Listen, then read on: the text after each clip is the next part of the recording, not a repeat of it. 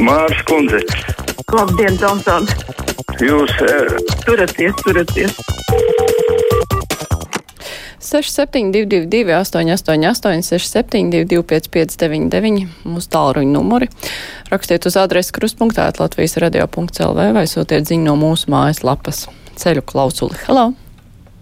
Labdien! Labdien! Es jums zvanu pirmo reizi mūžā, un tāpēc, ka es dzirdēju, ka viens no žurnālistiem nevarēja saprast, kāpēc skolotāji negrib obligāti vakcinēties. Es jums to varu pateikt, kā skolotāji ar pieredzi. Tāpēc, ka tā prasība ir ļoti vienpusēja. Vismaz tajā skolā, kurā es kādreiz strādāju, pirmo reizi šo sērgu ievazāja skolnieks, kas atgriezās no treniņa nometnes Spānijā. Un vecākiem pat nebija atbildības brīdināt skolu vai kaut kādā veidā ievērot pašizolāciju. Ja tā prasība būtu tāda, ka arī vecākiem ir jāpotejas un obligāti jāpotejas, varbūt arī skolotāji gribētu.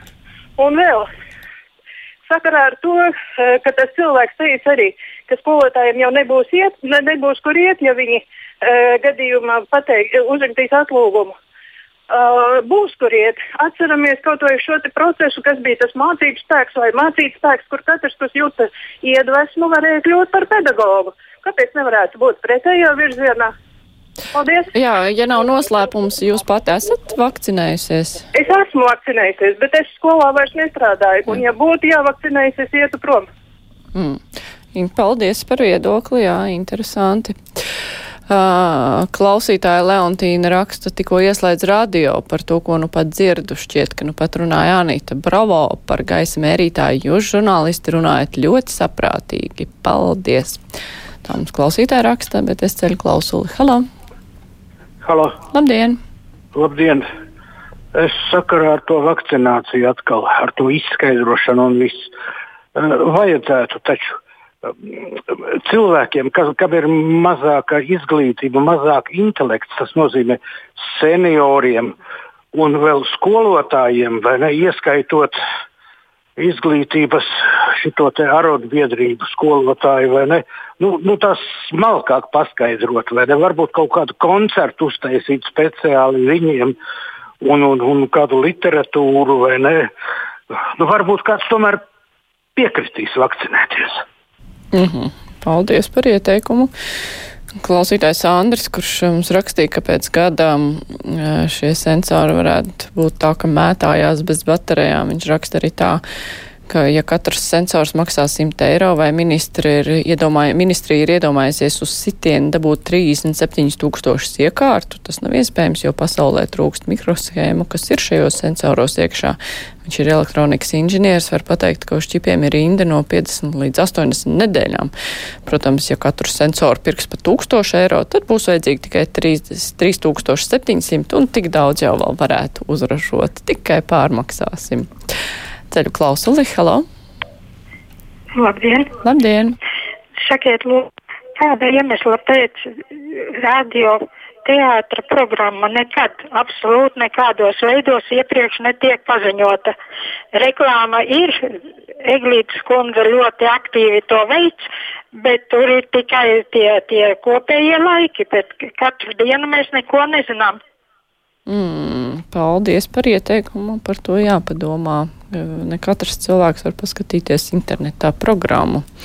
Klausītājs Kārlis raksta, labdien, iespēja, ka darba devējs spēs atlaist darbiniekus no amata vajadzētu izmantot, lai atlaistu ierēģņus no darba, kuri nav vakcinējušies, jo mums taču visu laiku saka, ka valsts aparāts ir pārāk liels maksāt algas, viņiem ir pārāk liels sloks iedzīvotājiem. Turklāt iepriekš atlaižot ierēģņus, viņi mēdz pārsūtīt lēmumus, un tā bija ķēpīga lieta. Tagad to varētu izdarīt ļoti vienkārši un ātri. Ieteiktu šādu vēsturisku iespēju izmantot. Jā, par to atlaišanu. Taču pēc idejas jau arī uz saimnes deputātiem tas attiektos. Un ja visi nav vakcinējušies, tikai viņus jau gan laikam tā nevar atlaist. Ceļu klausulu, hello! Labdien! Labdien!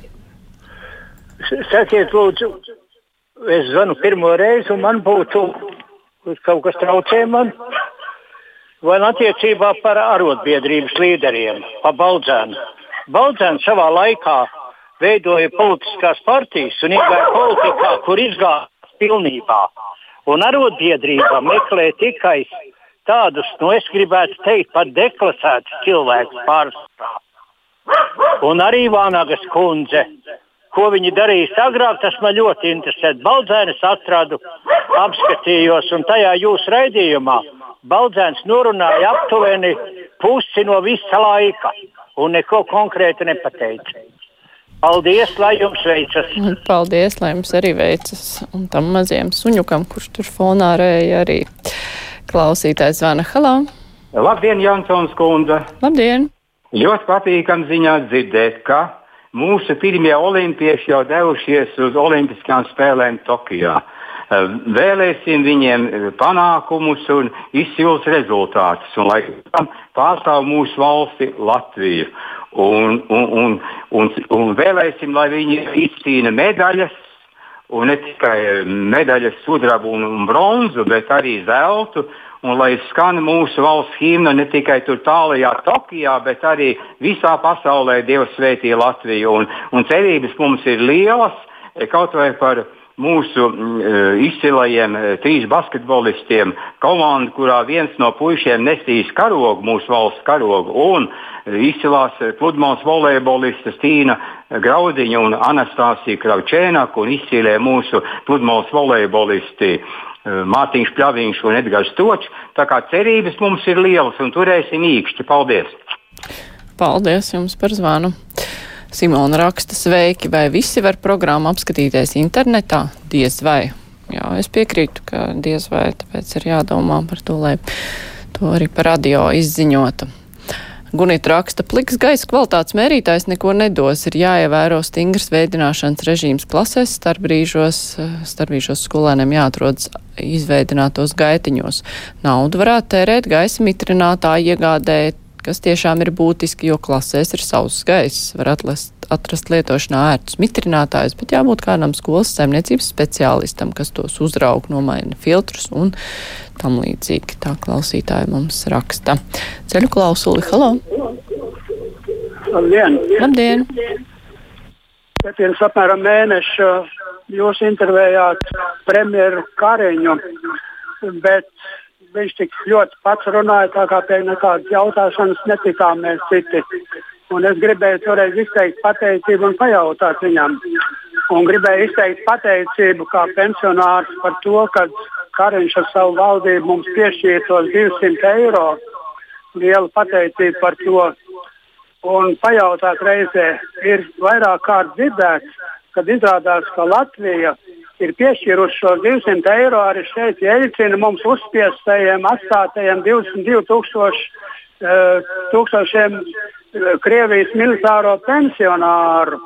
Un tāpēc Mārcis jums jautāja, vai tā ir taisnība, ka tiešām šiem, šiem militāriem pensionāriem, kuri ir naidīgi Latvijai, kur ar saviem pēctečiem, ģimenes locekļiem katru gadu 9. maijā iet pie Rubika uzceltā monstra, uh, uh, sveikt, nu, svinēt Latvijas otrreizējo okupāciju un ņirgāties par latviešu tautu, kura toreiz tika iedzīta drausmīgā okupācijā, 50 gadu verdzībā un iznīcībā. Tā... Jā, paldies. Nu, cik es atceros, tad uh, visi Latvijas pensijas saņēmēji saņēma, kas saņem caur VSA, saņēma šos 200 eiro pabalstu. Vai tas sanāk arī Krievijas pensijas saņēmēji saņem? Nu, tur ir jāpārliecinās vēl. Klausītājs zvana Halā. Labdien! Labdien. Es uh, gribētu jums pajautāt, jūs visi tur spriedēji par vakcināciju, obligāto. Zināt, ka katra vakcinācija nogalina dabīgo imunitāti. Ko jūs domājat? Tad, kad mūs te vakcinēs pret visām kaitēm, tad agrāk vai vēlāk visi sēdēsim pie doktoriem un, un gaidīsim, kad mūs doktorēs. Jā, nu, šī vakcīna pret covid ir viena no ļoti daudzām vakcīnām, kuras cilvēki saņem. Un, cik es zinu, daudz cilvēku, kur ir saņēmuši visas vakcīnas pēc pilnas programmas, īpaši padomju laikā, kurus vakcinēja. Nu, viņi nav tā, ka saslimst ar uh, pilnīgi visām slimībām un visu laiku sēž pie doktora durvīm. Ir tādi, kas vispār neslimo. Tā kā, tā jau nav, ka vakcīnas paņem un uzreiz nogalina visu imūnu sistēmu un viss ir tāds imūnu deficīta vīrus. Tas gan ir traks, bet uh, vakcīna gan tas nav. Klausītājs zvana. Halo! Labdien! Labdien! Es gribēju pateikt lielu paldies Ansim Pavasarim par viņu muzikālajiem raidījumiem ilgu gadu garumā. Un lai viņam labs veselība un lai turpmāk arī tie raidījumi skan. Paldies! Cerams, ka Ants to dzirdēja. Viņam tie, šie raidījumi tiešām brīnišķīgi. Man arī ļoti patīk pirms kruspunktā vasarā, kas skan. Parasti Anša veidotais raidījums, tur kāda ļoti laba mūzika ir dzirdama bieži vien. Klausītājs zvana. Halo! Labdien!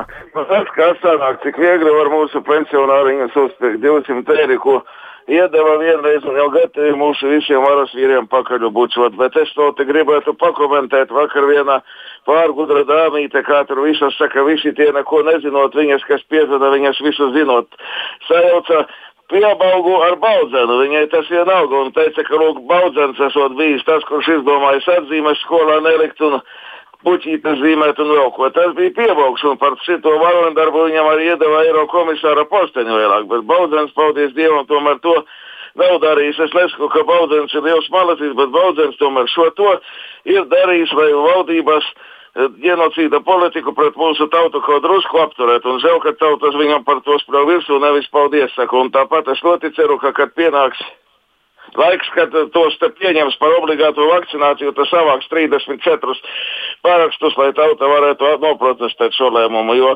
katrs drīkst pats izlemt viņam vakcinēties, vai ne, nevienam nedrīkst nedaudz vakcinēties, un nevienu nedrīkst zīt ar varu vakcinēties. Paldies! Mhm. Paldies par jūsu viedokli.